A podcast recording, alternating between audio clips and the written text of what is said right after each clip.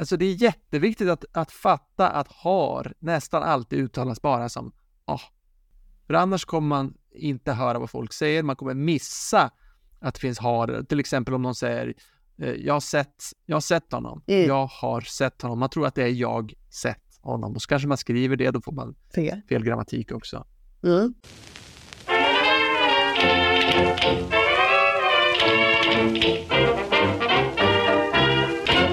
Lisande la gomme. Ja, då är Lysande lagom här igen. Det är med dig Sofie Tegsveden Duvå och med mig som heter Emil Molander, direkt från Umeå. Ja, exakt. Och du från Hägersten. Har du sett kartan på vilka språk som är populärast på Duolingo i olika länder? Ja, men den där brukar väl cirkulera rätt mycket på sociala medier och i de flesta länder så lär man sig typ engelska eller spanska eller någonting. Engelska är populärast. I 116 av de länder som finns med så är engelska nummer ett. På andra plats Wow. kommer franska, 35 länder har det som vanligaste och spanska är det 32 länder som har. Och Precis, sen kommer och tyska på nio, det- med nio så det är ganska långt efter.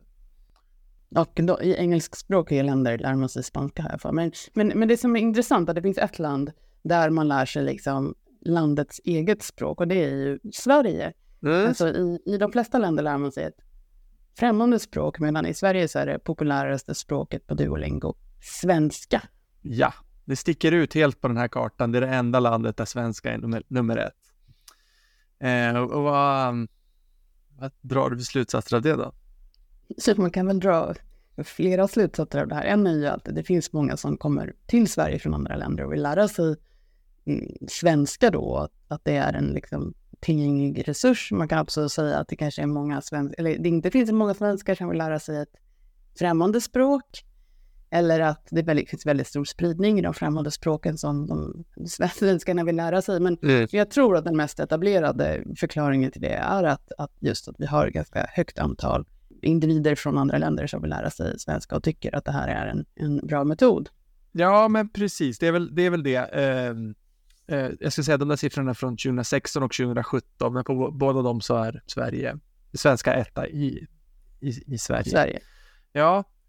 Ja, men precis. Men alltså för mig som svensklärare så känns det ju som lite sorgligt att se det också.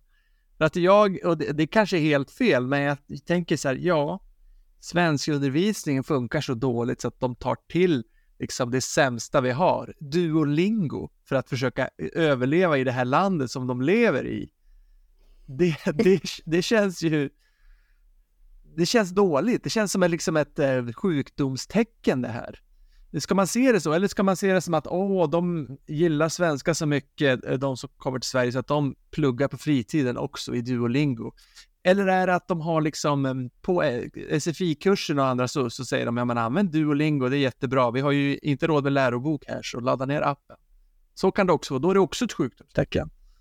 Ja, det, det tycker jag nästan är det värsta sjukdomstecknet. För att de, eh, jag, jag känner ju som du då, som, i och med att jag undervisar, att Duolingo inte är ett särskilt effektivt sätt att lära sig svenska. Så att om, man som lärare rekommenderar Duolingo som en, ett läromedel eller komplement, då har man nog inte särskilt stor koll på vad, vad som fungerar eller inte. Det är ju lite farligt att klaga på Duolingo för att det kommer, det kommer vi få mejl av folk som säger varför säger ni att Duolingo är dåligt? Jag har lärt mig tala flytande svenska enbart på grund av Duolingo och jag har lärt mig turkiska också. Det är jättebra, säger några.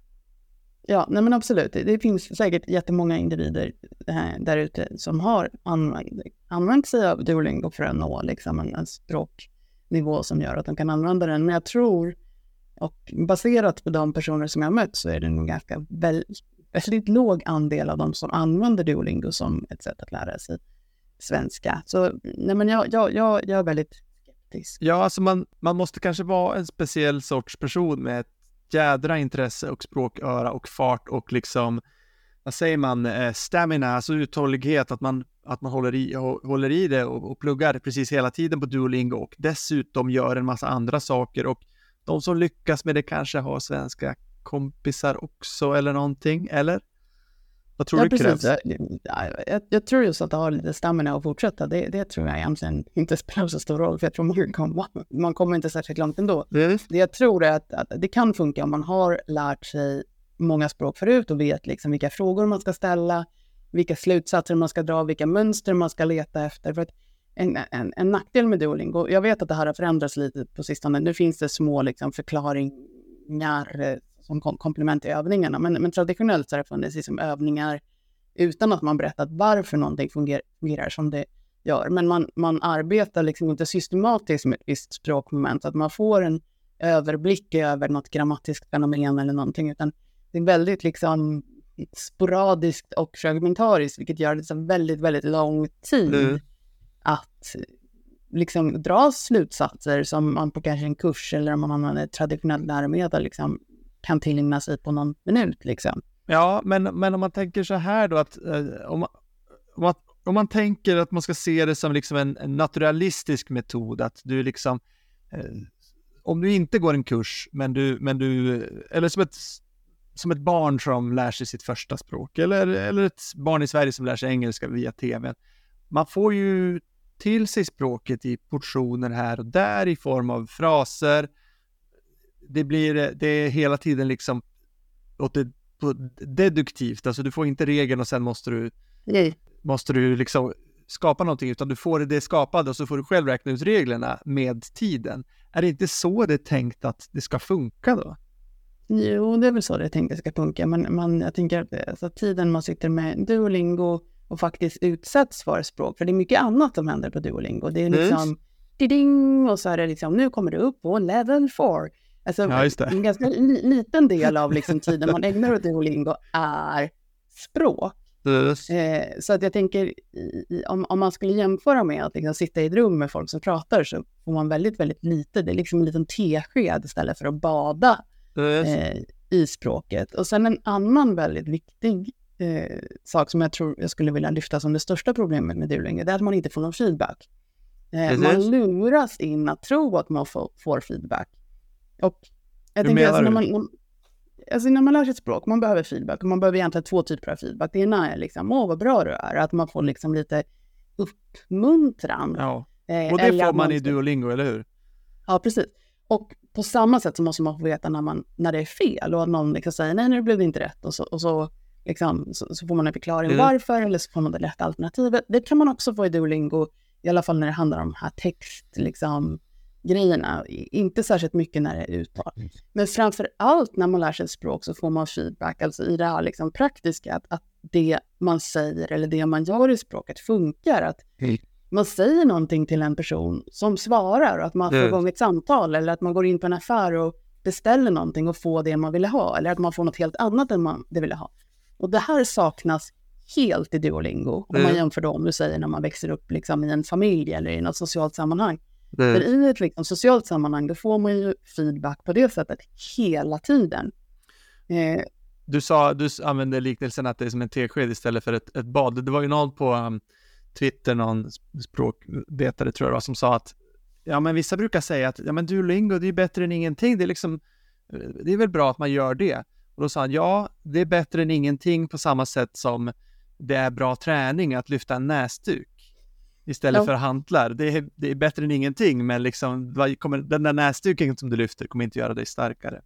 Men jag vill säga en sak på det som du sa där, för att du säger så här, ja, istället för att liksom ha interaktion och prata med någon och få feedback på det sättet, vad som funkar och inte. Ja, men då är ju problemet då som väldigt många upplever i Sverige och det är att det finns ju ingen att prata med. Vem ska du prata med? Det var en kollega till mig som skrev en hel avhandling som handlade om att några ungdomar i en, en by i norra Västerbotten. Men de enda som pratar med dem är de som eh, får betalt för det, alltså någon som sitter i kassan på ICA som säger var det bra så. Och så läraren och så någon, eh, någon handläggare eller så. Så eh, vad ska man göra? Det finns ju ingen att prata med. Ja, men ni, ni är ett jättestort problem, absolut. Och, och det, det finns väl liksom, man kan gräva på många nivåer här, tänker jag, varför det inte finns någon att prata med. Om man kanske bor i ett område där ingen, ingen pratar svenska som modersmål, man kanske vill ta kontakt med liksom, infödda svenskar men ingen är sugen på att prata. Nej, men det, det är, mm. Där får man nog ganska, jobba ganska hårt. Men jag tror till exempel att man behöver gå på en kurs. Jag kommer insistera på det, men också ta tillfällen i akt. Alltså, när man handlar någonting och be om kvitto, fråga om hjälp i affären. Du hittar inte kakaon och gå och fråga någon om vad kakaon är. Liksom. Eh, gå med i förening, spela fotboll, hitta sociala sammanhang. Eh, jättesvårt, men ja. Ja, ja, alltså en viktig sak att säga där är väl att eh, det är inte för att du är invandrare som det inte finns någon att prata med. Det är samma om man är, om man är född här. Alltså det är ingen som pratar med dig om de inte får betalt för det i princip. Alltså folk är inte sociala på samma sätt som i vissa länder. Om, men eh, alltså det är ingen som kommer komma och ta kontakt med dig. Men man kan ju göra det själv. Om man börjar prata med någon så brukar det gå ganska bra. Det brukar kunna bli trevligt. Man kan prata med någon på en buss. Eh, men det är lite svårare kanske och inte lika vanligt som i andra länder. Ja, och jag tänker att just kring att liksom prata med folk på stan eller på en buss eller så, det finns ju väldigt mycket kulturella koder om hur, hur det här ska gå mm. till. Och, och, det är ju där också det handlar om, om feedback jämfört med Duolingo, att om, om du liksom approcherar någon på fel sätt så, så kanske du får feedbacken att personen vänder sig om och liksom ger dig väldigt korthuggna svar. Mm. Eh, och, då kan det ju vara, alltså då behöver man vara lite analytisk för att liksom kunna räkna ut att det här handlar kanske inte bara om mig, utan det kanske handlar om vad jag pratar om och hur jag pratar och så vidare. Och återigen så tror jag att det kan vara väldigt bra att få feedback också från någon som har lite meta eh, kunskap där, alltså till exempel en lärare som kan ge, som berätta, när man, de här samtalsämnena funkar, det här, här funkar inte, så här är det bra att låta när, när man liksom pratar ja. med, med, en främling på bussen eller på stan eller på en, i en fotbollsförening och så vidare. Och det där, det där är det ingen som får veta på någon kurs tror jag. Alltså det är väldigt ovanligt. Ja. Att, att, dels att man får, jag tycker att man borde förklara för allt. Det, det är så här att vi tycker om att umgås i formaliserade sammanhang. Om vi ska umgås med sådana som inte redan är våra vänner eller vår familj. Det måste vara formaliserat på något sätt och sen kan det sakta utvecklas till en, en vänskap. Det går långsammare här och det måste ske liksom enligt formulär A1. Vi kan inte bara få en kompis på gatan sådär. Det är väldigt ovanligt. Och när man pratar med någon som man inte känner så väl så är det liksom de här samtalsämnena och hur man liksom... Det finns nästan som ett, ett manus för hur man vad man mm. säger och vad man svarar. Eh, som, som, om, om, man, pratar om, man kan prata om väder till exempel. Om jag säger att det regnar idag, då svarar du ja, fy vad jobbigt det är eller någonting. Du berättar mm. inte för mig om vad du har läst, eh, om varför det regnar så mycket till exempel. Nej, just det. alltså hur menar du där?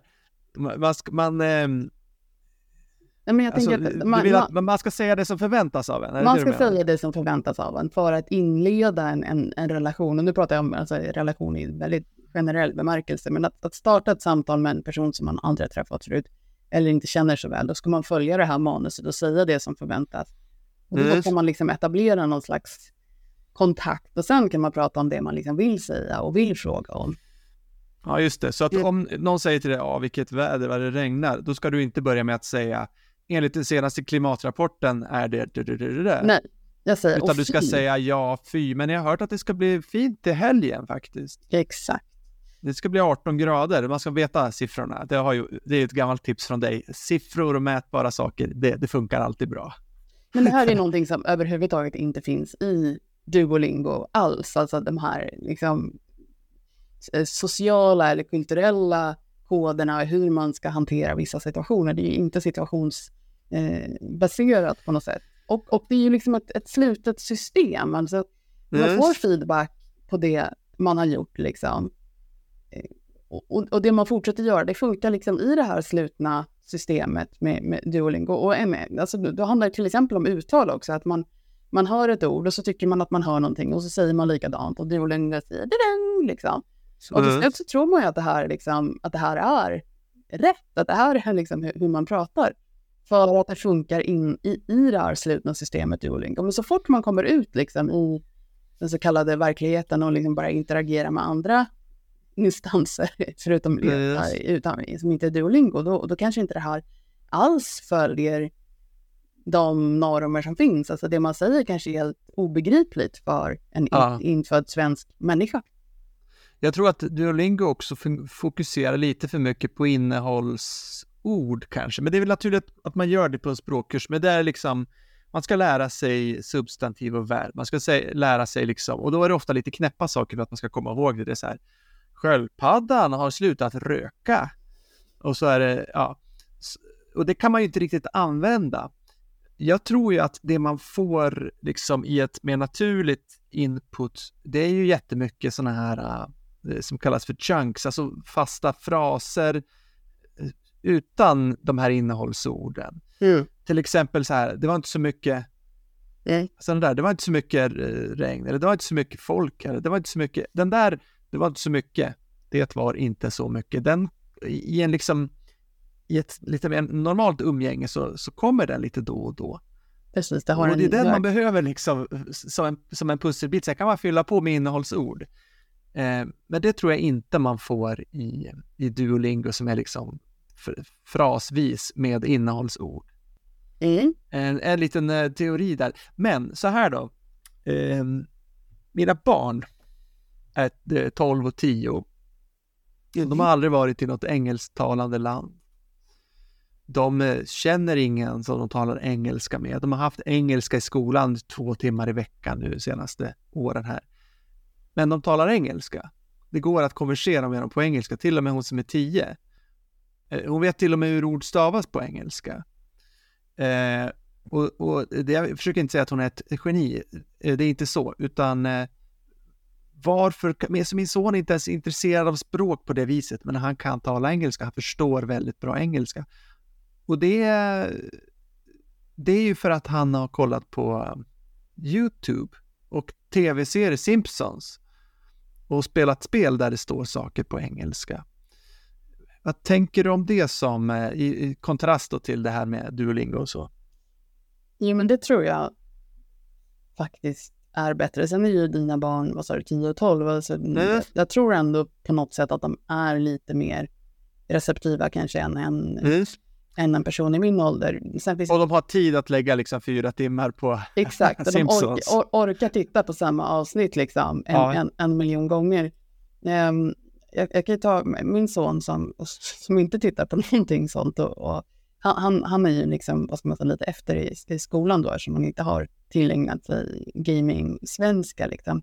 Ja, just det. Och jag brukar säga till honom att den där, den där gaming-svenskan är också ganska ytlig. Eh, Nej men absolut, man kan upprepa vissa fraser och där kommer det mycket som du säger, alltså eh, kanske inte innehållsord utan liksom saker som man har hört, game over eller vad det nu man, man, man säger liksom som, som man kan upprepa eh, sådär utan kanske egentligen Jag tror inte det är så mycket game over i spelen nu för tiden Nej, dock. Det, det var, det jag var från vår tid.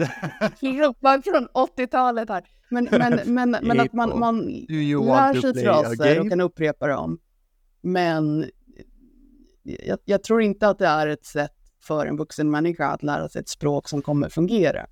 Eh, Alltså, jag tror att dina barn eh, och förhoppningsvis mina också så småningom kommer liksom utöka det där med an, annat input än, än jo, fast eh, om vi tänker dig, säga att du sp- spelar spel, alltså spelen är ju, det är ju lite mer som liksom film eller tv-serier. Mm. Och det är liksom handling och det är ju inte det där game over och start player one, utan det, är- det, det är ju det är ju historier och sådär. Och samma sak om du tittar på liksom Simpsons eller Wednesday. Man får ett ganska brett input. Det som jag tror är, är avgörande, det är mängden input som man Mm. får. De har tid och de, de har också sådana flexibla hjärnor i den åldern att de snappar upp väldigt mycket. Speciellt, och så, och så blir det liksom, det, om man ser tio Simpsons avsnitt, då är det vissa saker som kommer upprepas. Så att du får liksom den där upprepningen också. Ehm, men jag funderar på eh, om man som vuxen inlärare i Sverige, ja men om du tittar på Solsidan då, alla säsonger, varje dag, ehm, kommer man inte liksom nå något av det där? I alla fall att man hör och känner igen och Jo, men det, det tror jag. jag tror, alltså, som du säger, det är en fråga om mängd också, så mycket mer än, än, än om du sitter liksom, tittar på Duolingo. Alltså, Som sagt, Duolingo är en Ja. som inte är språk. Eh, sen tror jag fra- framför allt, alltså en viktig grej med en, någonting som man verkligen kan få av att titta på eh, Simpsons eller Solsidan, det är att man får höra hur språket låter. just Det är det. ju någonting som jag tycker många eh, som lär sig svenska liksom missar eller skippar. De är inte intresserade Mm. av hur svenska låter, för de har så bråttom att lära sig. Och det gör ju Mm. också igen att det blir något litet slutet system där, där, man liksom inte riktigt eh, har något att göra med det riktiga språket, utan man har Eh, kanske Duolingo-svenskan som är ganska liksom monoton, dålig frasbetoning. Man kanske har de här, man följer några på sociala medier som pratar svenska. Eh, och då ty- Tydligt. Ja, jo, men precis. Och då, och då tycker man att det är så det låter och det, är så, det överensstämmer med vad jag liksom läser och skriver och så. Och så tycker man att det är svenska och så börjar man Mm. själv prata så. Och igen, då, har, då kan man kanske inte ens göra sig förstådd sen när man pratar med en, en människa som man ska jobba med eller som man ska köpa någonting av på en mataffär Mm. och så vidare. Mm.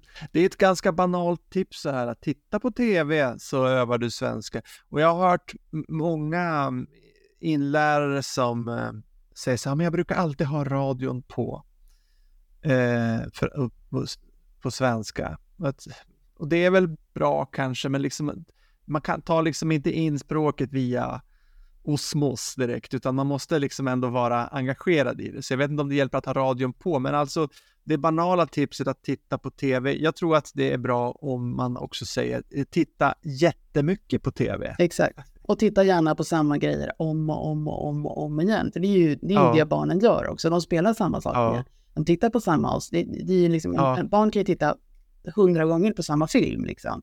Och lära Ja, alltså jag, jag blev lite förvånad för även min son som är 12, jag trodde han hade kommit ifrån det där som småbarn vill ju se ett och samma Greta Gris-avsnitt tusen gånger. Men även han som är 12, han ser om liksom den här Simpsons-säsongen en gång till. För att den, den var kul. Eh, Så att det är liksom, ja, det ska man kanske göra själv Men också. Då. jag, jag, jag var i, väldigt lång, lång, länge sedan så var jag i Marocko. Jag, hade, jag var, reste med två kompisar som jag hade en tjej från Turkiet och en kille från Indien. Och Mm. Vi hamnade på liksom ett så här halv mysko-ställe i, i någon liten marockansk stad på ett hotell och jag tror det var nyårsafton.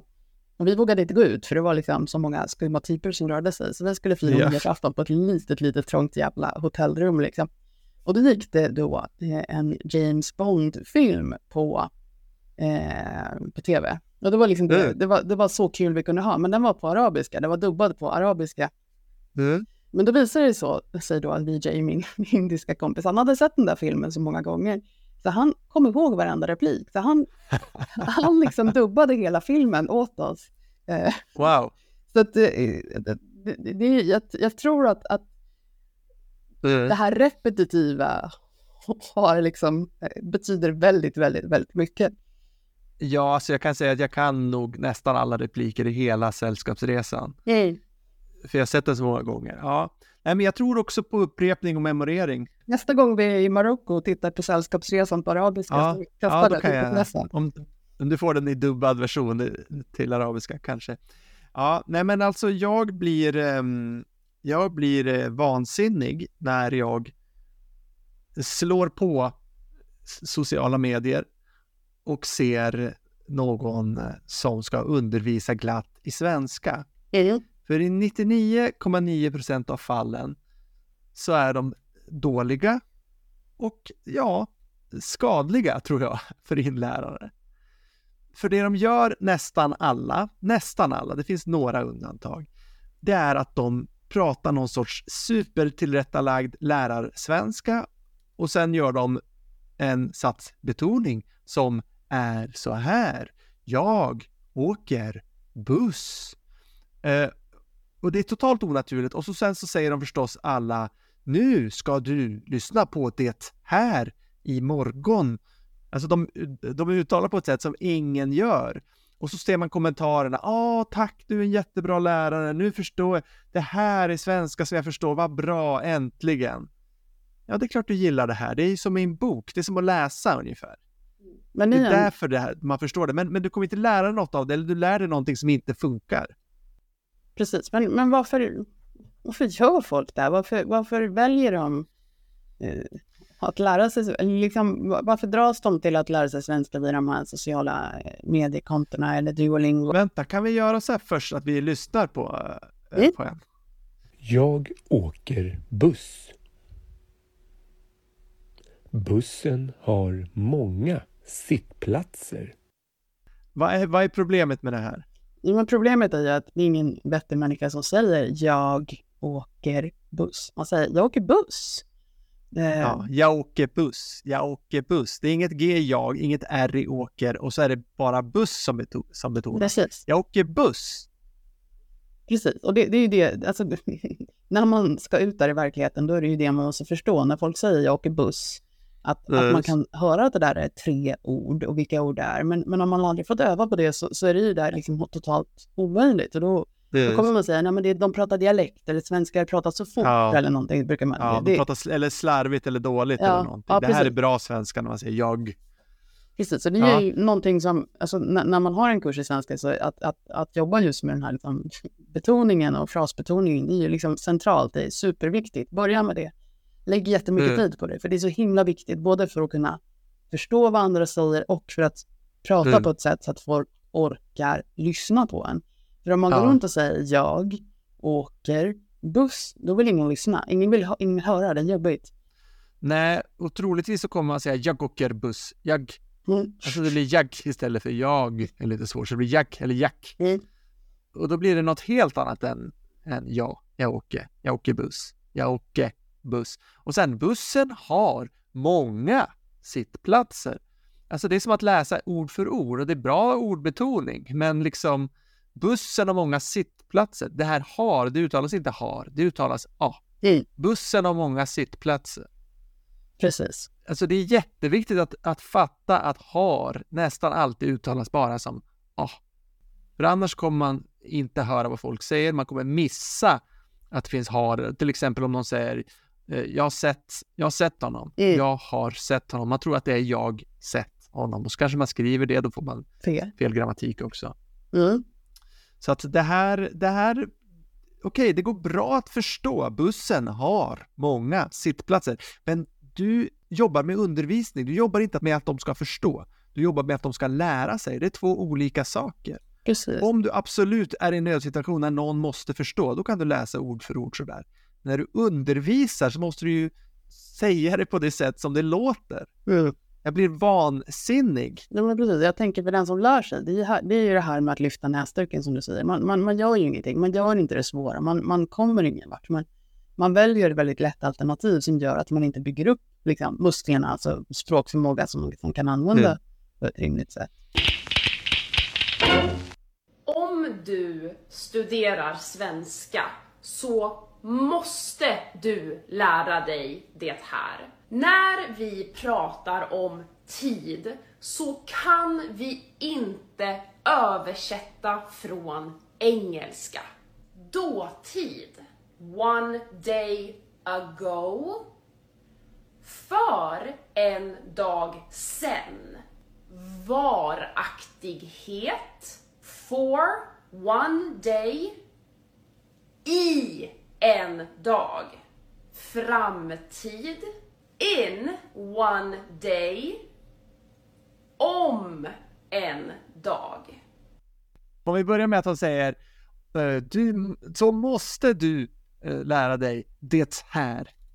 Det här. Vadå det här? Det finns ingen situation där någon som har svenska som modersmål säger det här. Det heter inte så. Det heter Det här, det här. Eller det här. Alltså, varför? Och sen när hon ska säga hur man säger eh, one day ago så säger hon för en dag sen. Nej, det heter inte för en dag sen. Det heter för en dag sen. Det är ju dag som ska betonas, annars blir det obegripligt. Jag ringde honom för en dag sen. Jag blir vansinnig. Okej, och eh, hon, hon tänker säkert så här, ja men jag pratar sakta, mitt konto heter Det här går ut på att jag ska prata långsamt så alla hör och förstår. Tycker du det är ett, ett bra argument för att hålla på så här? man kan ju faktiskt prata sakta med rätt ordbetoning också om man tycker det är viktigt att prata sakta. Men, men eh, Mm, och satsbetoning. Ja, precis. Men alltså det, det är väl det här som är lite sorgligt. Att, alltså så, så, man är ju lite sårbar när man lär sig någonting och då hittar man någonting som verkar bra liksom, och så gör algoritmerna att det där dyker upp i ens flöde och så vet man ju inte att det här är liksom, det här kommer göra min svenska mycket sämre. Det Mm. här, det här är skadligt för min inlärning. Man, hur, ska man kunna avgöra det om man liksom inte kan Nej, det språket? går inte. Och den här, den här eh, kvinnan som, alltså hon vill väl, hon försöker göra det tydligt, hon får jättemånga likes så alltså är det väl bra då, typ. Men ja, det, det, det är taskigt, det är därför vi inte säger vem, vad det är för konto här, men, eh, men liksom gå, utbilda dig, lär dig om fonetik och uttal och satsbetoning och gör någonting som inte i alla fall förstör. Mm. Och testa det på någon. Testa det du gör och se vad som händer. Men, eh, om vi är tillbaka här i Duolingo, att, att, jag tror en, en sak varför jag tror att det, att det är inte bara neutralt och det gör inte så mycket, jag tror att det är skadligt, är att man luras in att tro att det är en, att man, att man blir bättre, att man gör någon slags progression. Alltså, när, man, när man Mm. lär sig ett språk i ett annat sammanhang så ser man liksom, att man, igår kunde jag inte beställa kaffe på café, men det kan jag typ göra nu och sen tre veckor sen så, senare så kan man göra det liksom utan problem. Eh, att man liksom rent praktiskt upplever att man kan använda språket i fler sammanhang på ett bättre sätt. Eh, och det där är ju jätteviktigt liksom, för den så kallade motivationen, eller alltså känslan av att man liksom, att, att tiden man lägger ner på eh, liksom språkstudierna, att, att, att det liksom är värt, värt besväret. För det är, det är jättejobbigt att lära sig språk, det är jättejobbigt för Mm. massa tid. Liksom. Men man, man, om man känner så här, ja men det går framåt, då, då, då finns det också liksom en anledning att fortsätta. Ja. Eh, och jag tror att när man har, när man har gjort Duolingo, så, alltså eftersom det är så lite språk i Duolingo, så blir det nästan ingen progression. Och det är också det jag ser när jag träffar folk som använder Duolingo, att de kan använda det i x antal månader. Men, men liksom, från mitt perspektiv, liksom med språknivåer och sådär, så har de nästan inte kommit någon. Och, och det tror jag det är liksom det geniala i hur de har designat Duolingo, är att de har skapat en eget progressionssystem Just det. eh, att man är liksom på mm, guldnivå och allt möjligt. Liksom. Alltså det finns ett, Gamification. det är riktig gamification, precis. Så hela tiden får man det här, liksom, nu är du på den här nivån, nu kan du göra det här, då kommer du ännu längre. Och man får då liksom intrycket av att det finns en väldigt tydlig progression och att även små steg räknas. Och det där tror jag är väldigt farligt, för man tror, man tror att den här progressionen handlar om ens egen språkinlärning, för det är det man tror man håller på med på Duolingo, medan egentligen det handlar om hur, liksom, hur mycket man har spelat. Eh, Ja. och, och risken är ju också, eftersom det är så mycket, liksom, som det här liksom kommuniceras så mycket, så tror jag att när man lär sig språk på ett annat mer konventionellt sätt, så tror jag att på, liksom, på det riktiga sättet så har man en mycket snabbare progression, man lär sig mycket mer, men man upplever inte progressionen som lika snabb och lika tydlig, för man får den inte kommunicerad på samma sätt som i, i appen. Liksom. Och då kan man liksom, tycka ändå att, att det går snabbare, att det går bättre i Duolingo än det som faktiskt Mm. funkar. Nej. Det är skadligt. Det trygga Duolingo, där är ju alla snälla och där går det ju bra för mig. Mm. Men ute i den riktiga världen, då går det dåligt. Exakt. Det måste vara något fel på den riktiga världen. Yes. Jag ska säga också eh, om den här Duolingo-kartan här och där man ser att, att svenska är det vanligaste språket i Sverige. Jag tror att eh, ett skäl till det är att det är väldigt få svenskar som behöver en app för att sitta och plugga engelska. Mm. Kan redan ganska mycket. Och sen ska man säga också, det, det är inte det enda landet egentligen där landets huvudspråk är det, Nej. det som pluggas. Nej, för i, i till exempel Indien så är engelska också det vanligaste. Okej. Eh, fast det är officiellt språk och tror det största språket i Indien. Ehm, men det är klart, det finns ju massvis, alltså hundratals språk talas i Indien och vissa har något annat som modersmål och behöver förbättra sin engelska. I Kanada så är franska det, det, det mest studerade och det är ju officiellt språk där, men det är förstås många som inte har det som modersmål. I, i eh, flera afrikanska länder har man, har man franska också, fast det är officiellt språk i landet. Sådär. Så eh, det är inte riktigt så. Och sen om man tittar på um, det näst vanligaste språket så är det så att i Norge så är norska Mm. det näst vanligaste också. Eh, så det finns lite, lite Nyans. fler sådana. I, I USA är engelska det näst vanligaste och spanska det vanligaste och, och det är ju till stora delar ett tvåspråkigt land. Så, så det, är inte, det är liksom kanske inte jättekonstigt ändå. En liten brasklapp här från det jag sa i början av avsnittet. Precis. Och den andra bröstklappen är, vi, vi tror dig, du som vill höra av dig och säga att du har lärt dig ett språk med Duolingo, vi tror dig. Det finns, Ja, det är jättebra. och, och vi, Grattis. Ja, men precis. Och det kanske också beror på att du är en ovanligt smart och begåvad människa, vilket gör mig väldigt glad. Ja, så alla våra lyssnare är väldigt smarta och begåvade människor. Det är så Självklart. jag i alla fall tänker på dem. Tack för att ni har lyssnat.